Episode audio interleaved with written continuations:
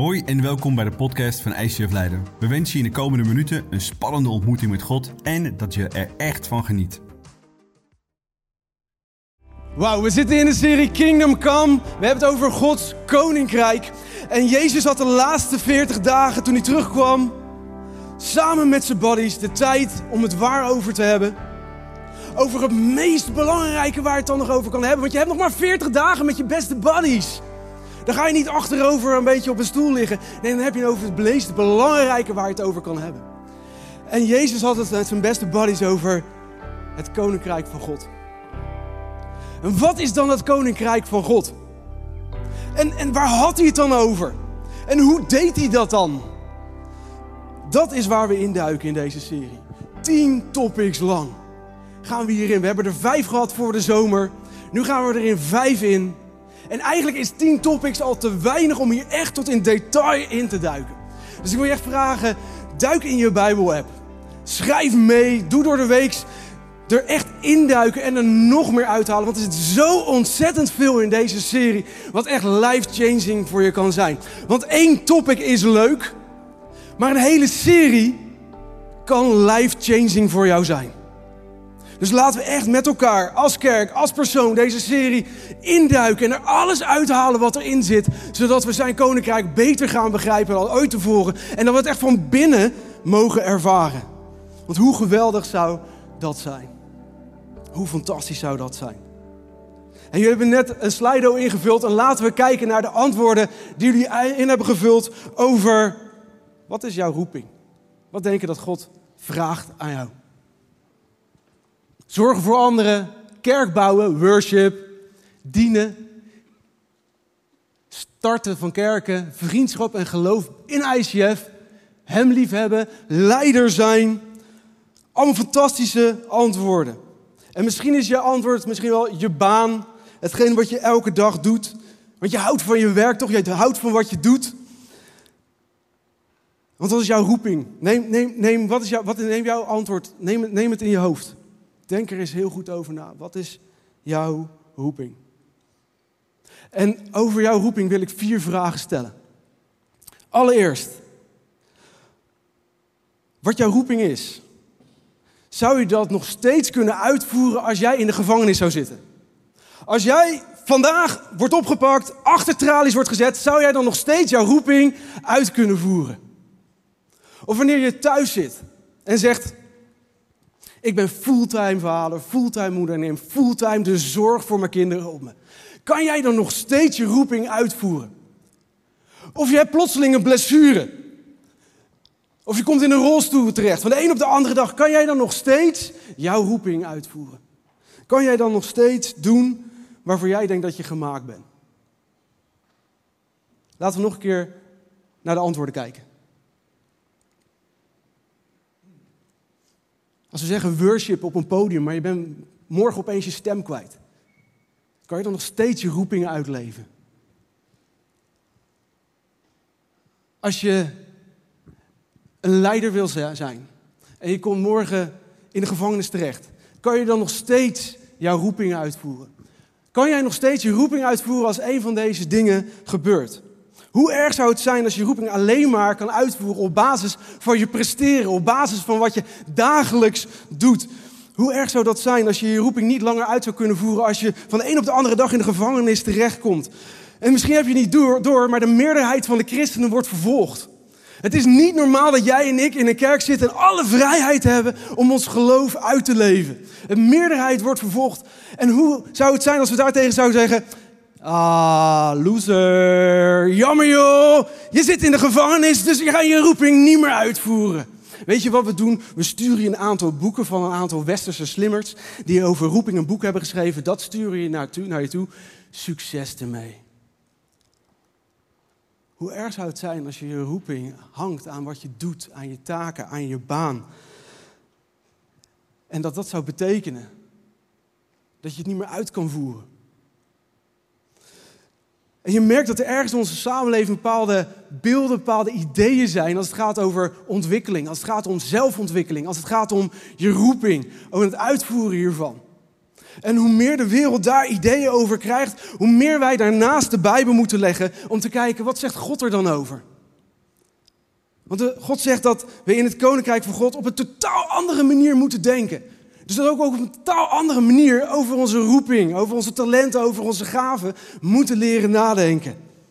En dat is waarom dit tien topics lang is, het koninkrijk van God. Tien topics, want we moeten input krijgen, we moeten het begrijpen, we moeten het praktisch kunnen maken, we moeten het leren toepassen.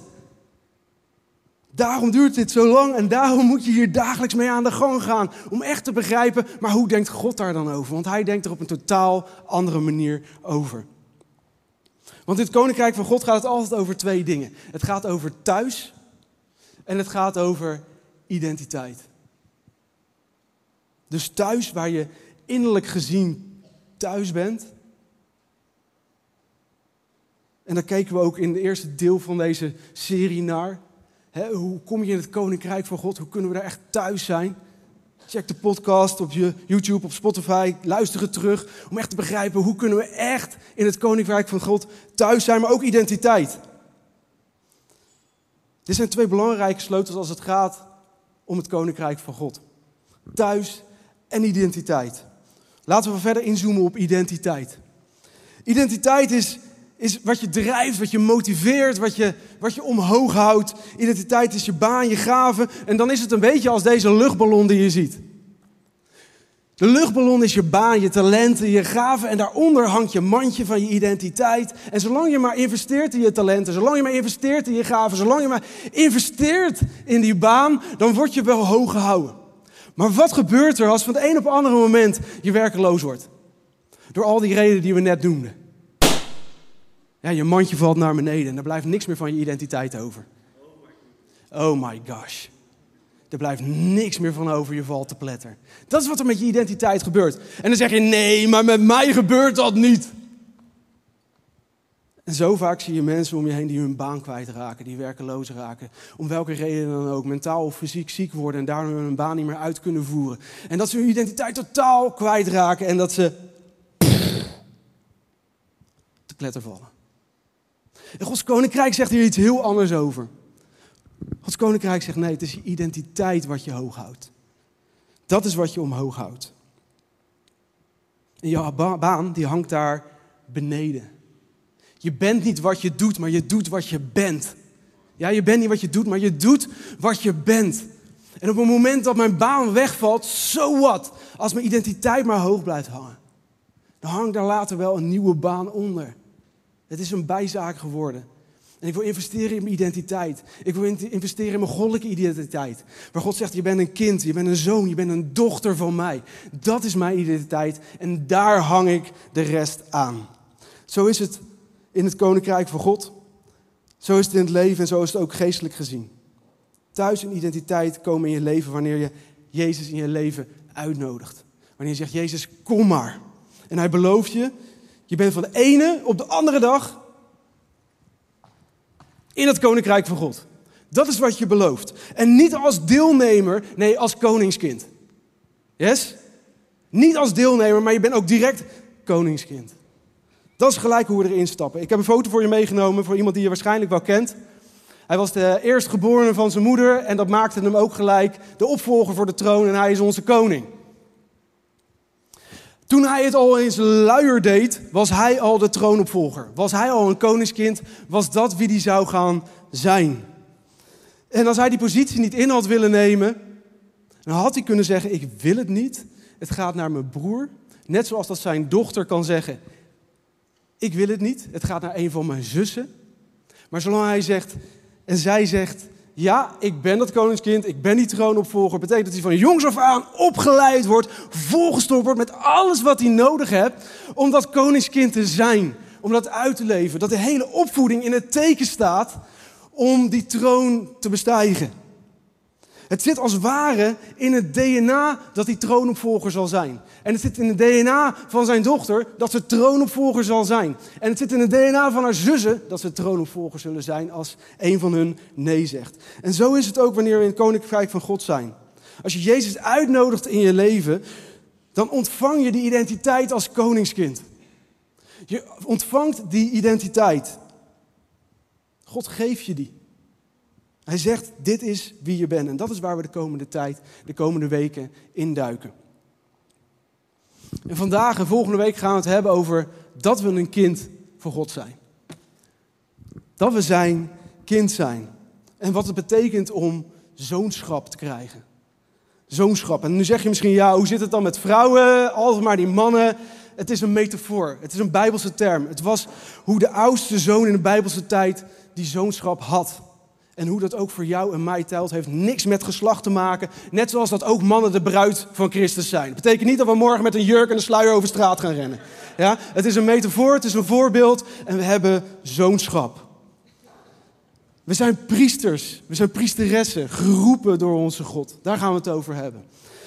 We zijn ambassadeurs, we zijn boodschappers. Dit wordt een geweldige message. Zorg dat je ze allemaal volgt, zorg zeker dat je deze volgt. Wordt geweldig. We zijn koningen, we zijn koninginnen, maar hoe kunnen we dat praktisch echt uitleven vanuit zijn koninkrijk, vanuit Gods koninkrijk? Dat is waar we in duiken. Maar vandaag kijken we naar dat zoonschap. Vandaag kijken we naar een kind voor God zijn. En ik wil graag drie passages uit de Bijbel aan je voorlezen. Wat het heeft over zoonschap. De eerste staat in Romeinen. En daar staat, daaruit zal blijken wie de kinderen van God zijn. Het zal blijken wie de kinderen van God. Oké, wat? De hele schepping staat hier, staat er, kijkt er naar uit, naar het moment dat christenen wat gaan doen? In een roeping gaan leven. Als de kinderen van God zich gaan gedragen als kinderen van God. Als we gaan doen waar God ons voor geroepen heeft. De hele schepping kijkt er naar uit. En er staat hier de hele planeet zal veranderen. Een hele wereldwijde revolutie. Op het moment dat wij als christenen gaan zeggen. Ja, maar ik ben een kind van God. En ik neem dat zoonschap op me. En ik ga me ernaar gedragen. Want dat is mijn identiteit. Dat is wat hier staat. Laten we naar nog een passage kijken. In Galaten. Er staat, moest hij ons, die onder de wet stonden, vrijkopen? Wie moest ons vrijkopen? Jezus moest ons vrijkopen. Opdat wij de status van kinderen zouden ontvangen. Dus van, van de ene op de andere dag. Dat we die keuze maken. En dat we het gewoon krijgen. We ontvangen het. We hoeft er niks voor te doen. We krijgen het.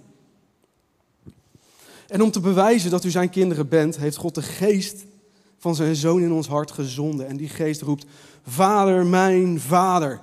Dus omdat ik Jezus in mijn leven aan heb genomen, ben ik geroepen tot dat zoonschap. En dat is meer dan gewoon een zoon en kind zijn. Dat is autoriteit.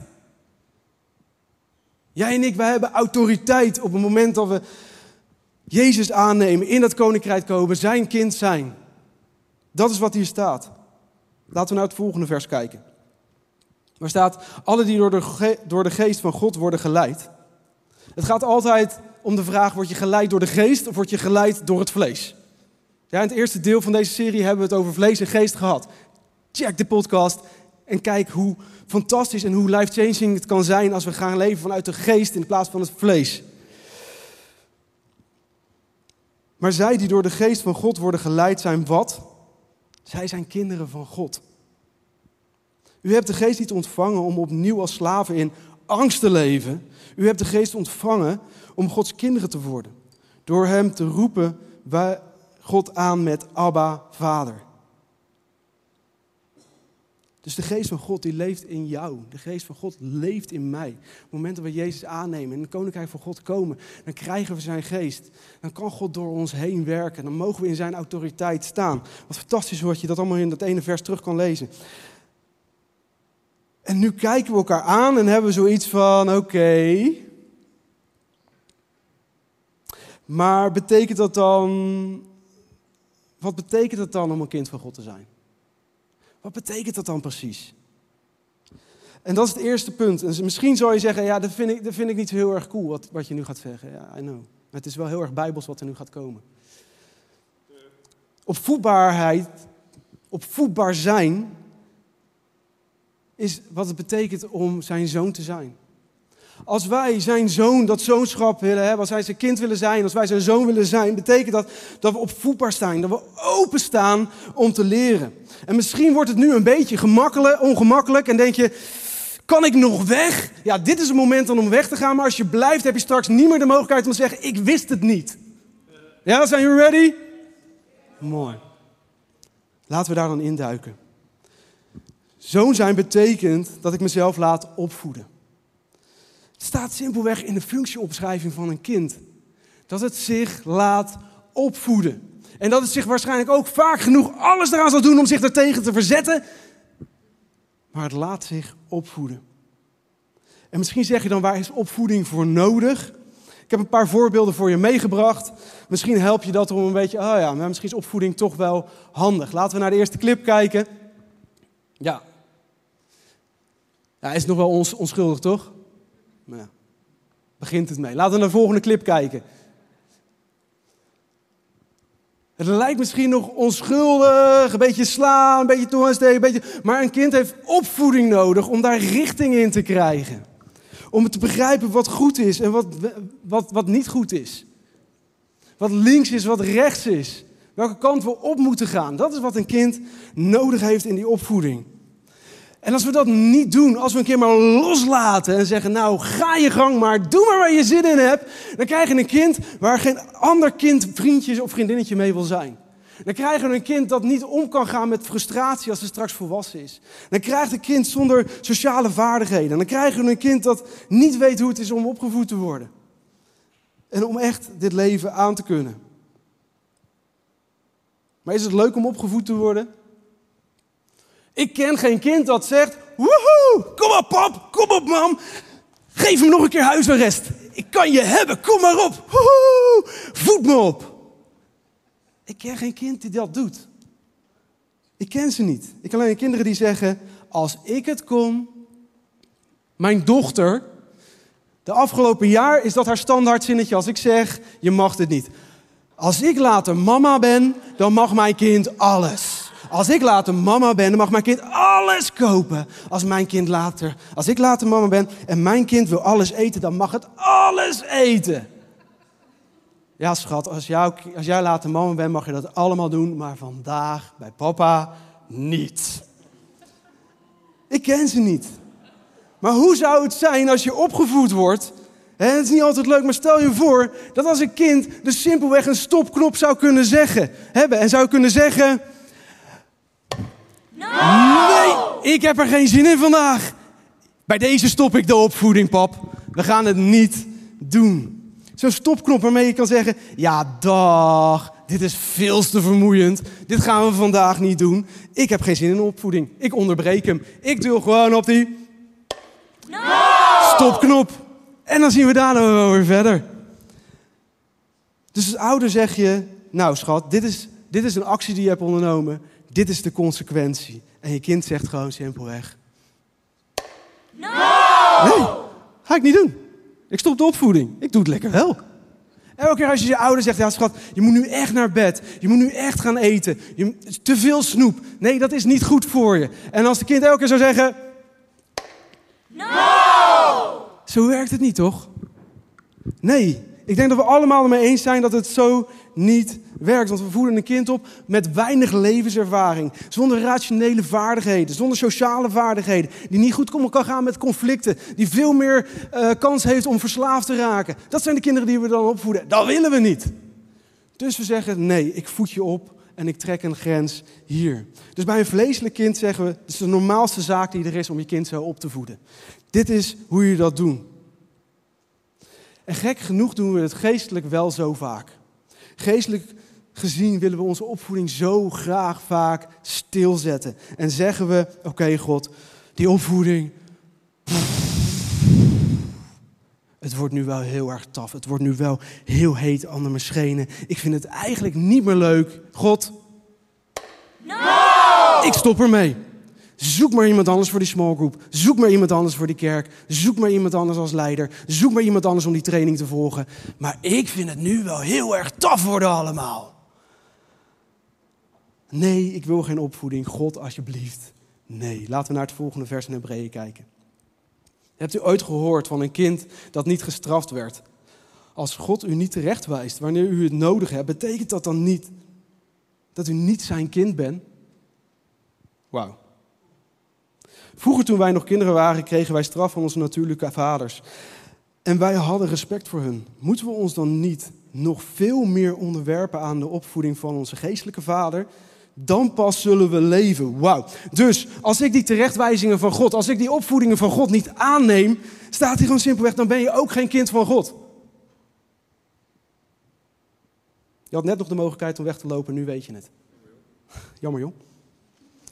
Dus de Bijbel zegt dat wanneer je opgevoed bent door God, dat dat een teken is dat je zijn zoon bent. Zijn zoonschap zie je terug als we zeggen: Oké, God, voed me maar op. Leg het vuur maar aan mijn schenen. Waarom? Omdat dat het doel is van opvoeding. Wat willen je in een opvoeding terugzien? Welk doel? Dat mensen volwassen worden, dat we zelfstandig worden, dat we verantwoordelijk worden, dat we verantwoordelijkheid nemen. En geestelijk gezien geldt het precies zo. En dat is wat er gebeurt tijdens opvoeding. Opvoeding betekent, hey, ik zie hoe je bent, ik hou van je, maar er zijn dingen die zijn nog niet helemaal oké. Dus wat doen we? Daar doen we wat mee, daar gaan we mee aan de slag, daar gaan we aan werken. Oké, maar nu wordt hij lastig, want God die houdt toch volledig van me? Onvoorwaardelijk. God houdt toch helemaal van mij? Dan is dit toch helemaal niet nodig? Ja, dat klopt. Hij houdt onvoorwaardelijk van je. Maar wilt u ook dat je zo blijft, zoals je nu bent? Want als hij wil dat je zo blijft, waarom is hij dan aan het kruis gegaan? Waarom heeft hij dan de dood overwonnen? Waarom is hij dan opgestaan? Waarom had hij het dan over koninkrijk van God? Waar is dat dan nog voor nodig? Denk daar eens over na. Als Jezus dacht dat alles gewoon geweldig was zoals het nu was, dat je nu geen vrijheid meer nodig zou hebben, geen verandering in je leven zou nodig hebben, geen opvoeding meer zou nodig hebben in je leven, dan hadden we Jezus in dat hele kruis helemaal niet nodig gehad. Jezus houdt onvoorwaardelijk van je, ja. Maar hij wil ons ook opvoeden. Tot wat? Tot kinderen die de wil van zijn vader doen. Dat onze wil en zijn wil met elkaar matchen. Dat we dat echt in het koninkrijk van God mogen ervaren. Ondanks de wereld die we om ons heen ook ervaren. Ondanks alle chaos die we in ons leven hebben. Omdat we matchen, vinden we daar richting in samen met Hem. En Hij wil je daarin opvoeden, stappen laten nemen. Hij wil dat we bloeien, dat we genezen, dat we echt vrijheid ervaren op al die topics in ons leven. Dat is waar hij mee bezig is. Dat is waarom hij je continu wil opvoeden. En in het Koninkrijk van God zijn er altijd twee perspectieven. Enerzijds moeten we leiden. Moeten we leiding nemen in onze small group, in onze kerk, in ons gezin, op ons werk. Daar hebben we het vandaag niet over. Waar we het vandaag wel over hebben, is dat we geleid worden. Dat we geleid worden om te leren, om opgevoed te worden. Dat we dat aannemen. Dus wat betekent het om een zoon te zijn? En wat betekent het om opvoeding toe te laten in je leven? We worden opgevoed door ervaring. We worden opgevoed door onrechtvaardigheden die we in ons leven meemaken. Want God gebruikt alles. Alles wat Hij aan je geeft. Alles wat de duivel aan je geeft. Hij wil alles gebruiken om ervoor te zorgen dat jij opgevoed wordt. En dat jij echt matcht met zijn wil. En dat koninkrijk van God in je leven kan ervaren. En God zal niet verhinderen alles wat je overkomt. Was het maar zo fantastisch. Maar wat zouden we er dan nog van leren? Mijn zoon en mijn dochter, die maken nu al frustratie in hun leven mee. Die maken nu al problemen in hun leven mee. Wat voor vader zou ik zijn als ik ervoor zou zorgen dat ze niks daarvan mee zouden maken in hun leven? Dus ik ga er als vader naast staan. Ik help ze. Ik help ze de juiste keuzes te maken. Omdat dat is wat opvoeden is. Omdat ze aan de andere kant beter eruit kunnen komen. Ik geef ze richting in al die chaos die ze in hun leven meemaken. Omdat ik weet dat ze aan de andere kant sterker, krachtiger, beter en als kinderen van God eruit zullen komen. God gebruikt alles. En het ergste wat God ons dan aan zou kunnen doen. Als wij steeds weigeren onszelf te laten opvoeden. Dat hij zegt, oké, have it your way. Dan kan ik je niet opvoeden. Maar de Bijbel zegt dat als we dat echt willen, en als je niet wil leren, dan laat God je daarin vrij. Het is een God van liefde, het is een God van vrijheid. En hij laat je daarin vrij. Maar je laat jezelf ook vrij in al je gevoelens. En het wordt messy. Chaos waar hij richting wil geven. Laten we naar het volgende vers kijken. Waar staat, want hoewel ze God kennen, het gaat hier dus over mensen die God kennen, hebben ze hem niet de eer en de dank gebracht die hem toekomt. Ze herkennen hem dus eh, als God, maar ze herkennen niet dat hij ook degene is die hun wil opvoeden. Hun overpijzingen zijn volkomen zinloos en hun onverstandig hart is verduisterd terwijl ze beweren wijs te zijn. Ik weet het beter, ik zie de problemen, ik pak het zelf wel aan. Die cirkel waar we het vorige week over hebben gehad in deze serie. Ik doe het zelf wel. Zijn ze dwaas geworden en hebben ze majesteit van de onvergankelijke God ingewisseld voor beelden van vergankelijke mensen, vogels, lopende en kruipende dieren, afgoden dus. Daarom heeft God hen uitgeleverd aan hun zedeloze begeerte, waardoor ze hun lichaam onteren aan hun eigen behoeften en wat ik nu op dit moment wil voor kort geluk. Je hebt je eigen vrije wil. Je kunt altijd zeggen: ik stop ermee, ik loop naar die knop toe en ik zeg: tot hier en niet verder. Ik stop die opvoeding. We hebben die vrije wil. We kunnen die keuze maken. Maar je kan er ook voor kiezen: ja, ik wil opgevoed worden. Ik ga het aan, ik heb de moed en ik geloof dat God me alles zal geven om hier doorheen te gaan. Om opgevoed te worden door ervaring, door onrechtvaardigheid en door de volgende Gods gedelegeerde autoriteit. En dan heb ik het niet over, omdat ik jouw leider ben, moet jij doen wat ik zeg. zou mooi wezen. Het gaat me erom dat je je Bijbel hierover naleest, dat je, dat je erover nadenkt. En aan de ene kant ben ik een leider, maar aan de andere kant word ik geleid. En hoe kan ik dat echt in mijn leven trekken? Laten we naar het volgende vers in Petrus kijken. En laat u ook zelfs als levende stenen gebruiken voor het bouwen van een geestelijke tempel. Oeh.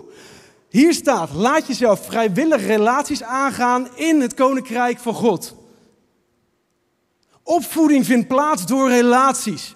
Als je nog iets van een quote nodig hebt voor je socials vandaag, dit is hem. Opvoeding vindt plaats door relaties. Niets minder. Dus hoe vind ik dat dan? Hoe, hoe kan ik die levende steen worden?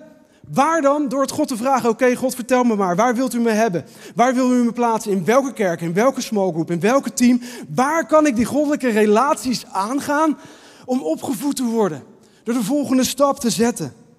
Waar wilt u dat ik die relatie aangaat? En dat werkt niet als je naar tien kerken, vijf diensten en tien conferenties per jaar gaat. De enige plek waar die relaties aan kan gaan is, is waar dat spanningsveld ligt. Waar je met elkaar die wrijving ervaart, die frustratie ervaart, er samen met God doorheen komt. Dat is waar opvoeding plaatsvindt. En waar we echt richting in de chaos kunnen vinden.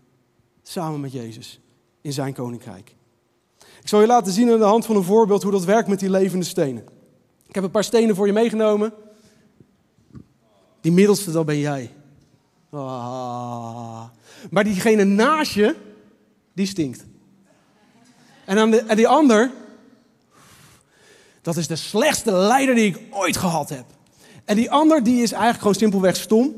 En die wil gewoon helemaal niet geleid worden. Het zijn altijd die mensen, die figuur in mijn small group, die leider is gewoon nog niet zo ver, kan die zelf ook niks aan doen. Guys, dit is kerk. We zijn bij elkaar geplaatst, op die plek gezet door God. En de enige manier hoe we kunnen groeien en opgevoed kunnen worden, is door die relatie met elkaar aan te gaan. Die frustraties met elkaar aan te gaan. Die wrijving met elkaar te voelen. En te zeggen, ik stap niet uit, ik blijf. Want dit is de plek waar God me heeft geplaatst. En jezelf echt te laten gebruiken als die levende steen. En soms is dat ongemakkelijk. En ontstaat er dus frustratie. Maar het zijn uiteindelijk die mensen die me uiteindelijk helpen te groeien. Het zijn die mensen die God gebruikt om mij op te voeden en de volgende stap te zetten. Dus wat is mijn houding? Lees met me mee, volgende vers. Wat u ook doet, doe het van harte. Alsof het voor wie is? Voor alle mensen om mij heen die ik aan leiden ben, waardoor ik geleid. Nee, doe het alsof het voor de Heer is, niet voor mensen. Doe het alsof je voor God aan. Doe het alsof, doe het voor God. En niet voor de mensen. Hoe vindt opvoeding plaats wanneer ik mijn situatie heb waarin ik gefrustreerd ben, maar waar ik weg zou willen, maar waar ik blijf vanwege voor wie ik het doe? Ik blijf hier vanwege God. En ik doe het daarom ook samen met Hem. Ondanks de mensen. En dat is wanneer God iets in jou begint te doen wat uniek is. En wat je nergens anders kan ervaren. En ik heb het hier niet over die 2% waar mensen geestelijk, mentaal of fysiek mishandeld worden. Ik heb het over die 98% waar we simpelweg het niet met elkaar eens zijn. Waar we simpelweg gefrustreerd zijn. Maar waar we zeggen, ik blijf en we gaan samen door. Ik heb het over die momenten waar je zegt, ik zet door in die relaties. Laten we kijken naar wat het vlees doet in het volgende vers. Op momenten dat we op zulke plekken zijn geplaatst. Er staat in dit vers dat we dit zullen ervaren. Vijandschap, ruzie, afgunst, woede, uitbarsting, egoïsme, oneenigheid, afwijkingen van de leer en jaloersheid. Hoe? Hoe komt dat tot stand? Ja, als ik links en rechts mensen om me heen heb. Als ik boven en onder andere stenen om me heen heb. Die duwen en vragen stellen. En het misschien niet doen zoals ik het wil. Dat zijn de momenten waar dit naar boven komt. En dan komt het allemaal naar boven en dan zegt God: Oké, en nu heb ik je op de plek waar ik je wil hebben. Want dit is de plek waar jij overwinning kan ervaren. Dit is de plek waarin ik je echt vrij wil zetten. Dit is de plek waar ik je echt wil laten groeien en samen die stap te kunnen zetten. Dus wat is het doel? Volwassenheid, zelfstandigheid, verantwoordelijkheid nemen. En dat is waar God je naartoe wil leiden. En dan nog laat ik leiderschap van mensen in mijn leven toe. Omdat ik dat leiderschap nodig heb. Omdat het mensen zijn die mij wrijving opleveren. Omdat het de mensen zijn die mij verder kunnen helpen. Omdat het de mensen zijn die mij kunnen helpen de volgende stap te zetten. Omdat God hun ook in mijn leven heeft geplaatst. Maar er is niks dat mijn roeping in de weg kan staan. Op het moment dat ik Gods roeping in mijn leven volg. Kijk naar het verhaal van David en Saul. Geweldig huiswerk. David had de slechtste leider van de eeuw waar hij mee te maken had. Maar hij wist, God heeft me een roeping gegeven en er is niks wat mij daarvoor in de weg kan staan. En hij had een leven vol wrijving, had een leven vol frustratie, had een leven waar hij moest rennen en vluchten. Maar het maakte hem de leider die God hem uiteindelijk wilde hebben om een heel volk te leiden. Niks kan jouw roeping in de weg staan. Dus wanneer ga ik weg uit de plek waar God mij dan geplaatst heeft? De enige reden om weg te gaan uit de plek waar God je geplaatst heeft, is op het moment dat God het zegt. Als hij zegt, oké, tot hier en niet verder, move on, volgende plek en niet eerder. Hoe doe je dat? Oké, God, is dit de plek waar ik nu moet zijn of moet ik hier weg? Moet ik hier blijven? Nou, dan blijf ik hier. En dan zal het spannend zijn, dan zal het heftig zijn, maar dan gaan we door en dan gaan we de beste uithalen. Waarom? Omdat God altijd zegt: Ik wil je op deze plek iets leren, ik wil je hier doorheen. En voordat Hij zegt: Move on, blijf ik op deze plek, blijf ik hier bouwen, wat mijn eigen gevoelens ook zijn, omdat ik weet dat ik hier zal groeien. Ook al wil ik zeggen, en zou ik willen zeggen, ik kap ermee, ik zeg bij deze, mijn opvoeding, stop. God, ik vind het nu te moeilijk worden, het is nu klaar. Maar ik wil openstaan voor die opvoeding. Om te leren. Ik wil een kind van God zijn. Dat is waar we het over hebben. Ik wil die zoonschap toe-eigenen en in mijn leven ervaren. Ik wil in die identiteit staan. En het tweede punt is korter en het derde behandelen we volgende week. Wat betekent het dan om een zoon te zijn? Het eerste zeiden we opvoedbaar zijn en openstaan om te leren. De tweede is de vader, zijn, de vader en zijn wil kennen. Het kennen en hem gehoorzamen in wat je kent en wat hij je zegt. En de vader leren kennen kan je doen door je Bijbel te lezen. God kan je leren kennen door echt tijd met hem te nemen. We hebben net de Summer Celebrations gehad, waar we zoveel praktische tools aan je hebben gegeven, hoe je God in je dagelijks leven nog meer kan ervaren. Maak het eigen. Ervaar hem. Leer hem kennen. Leer hem gehoorzamen. Want dat is een actieve stap die we moeten nemen, hebben we daarin geleerd. Je wordt niet ochtends wakker en denkt, woehoe, en vandaag ga ik gehoorzamen. Het is een keuze die we iedere dag weer moeten maken. En daarvoor moeten we God kennen. Moeten we weten wie die is en wat hij in jouw leven wil doen. De Vader leren kennen doe je op die manier. En als het om Gods wil gaat, heeft Jezus een belangrijke sleutel gegeven die we vaak over het hoofd zien. Of die we hem soms liever niet willen zien. Komt-ie, Filippenzen. Maar hij deed afstand van zijn positie en nam de gestalte aan van een dienaar. Het was een vrijwillige beslissing van Jezus om dienaar te zijn. Heb je daar ooit over nagedacht? Hoe heftig dat is? Dat Jezus zijn koningschap opzij zet en een dienaar wordt?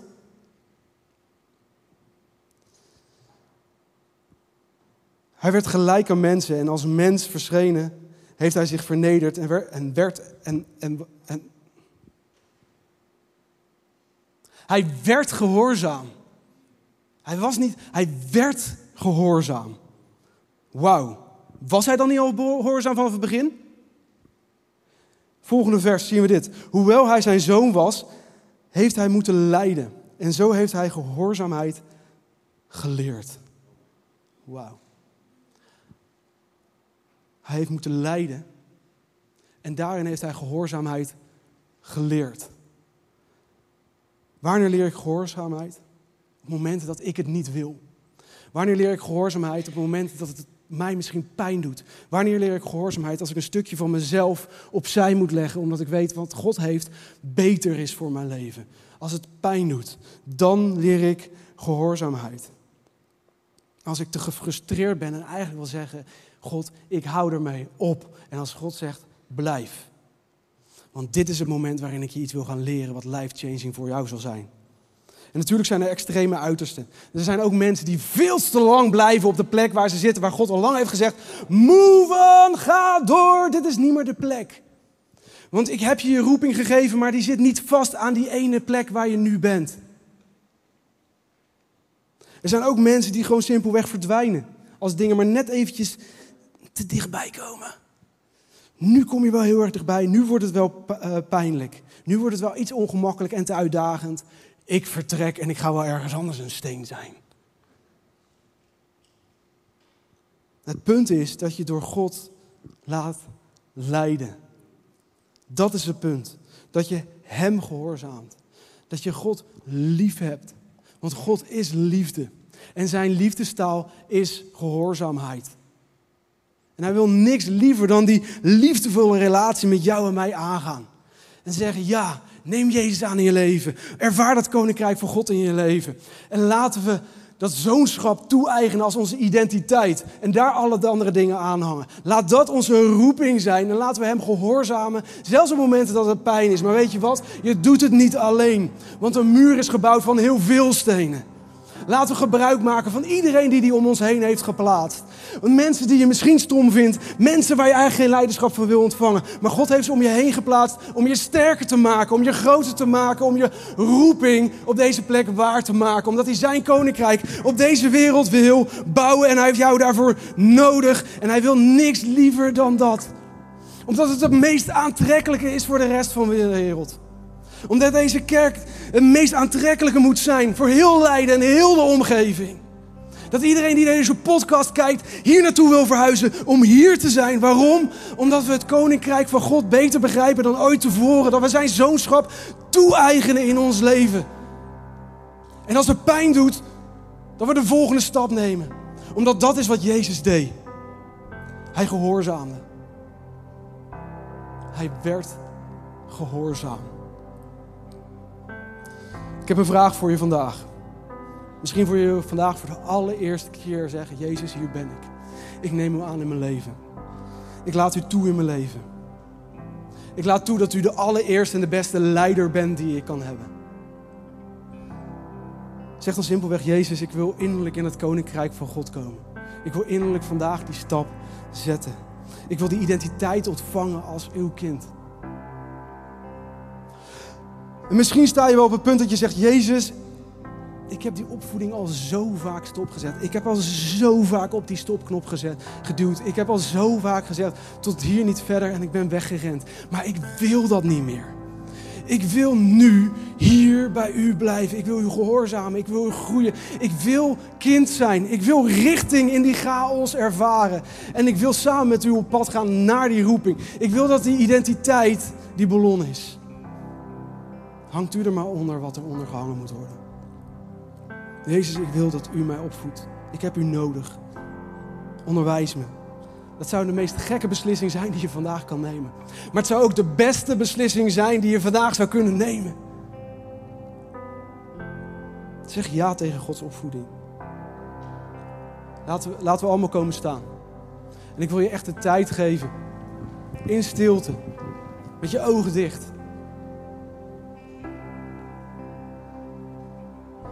God te ervaren, Hem uit te nodigen. de Heilige Geest uit te nodigen. En hem te vragen, laat me zien waar ik mijn opvoeding stop heb gezet. Laat me zien waar ik naar terug moet komen. Laat me zien waar ik de volgende stap kan zetten.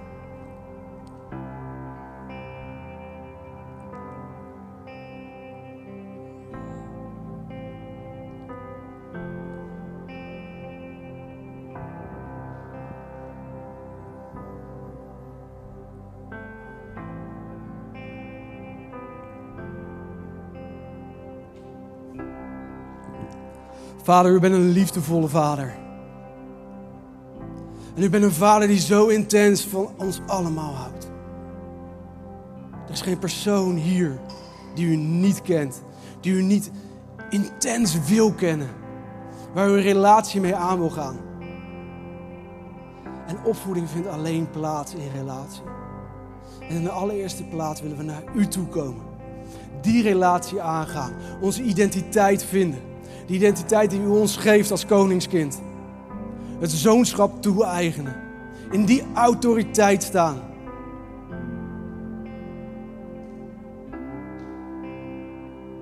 Misschien heb je al zo vaak die opvoeding stopgezet.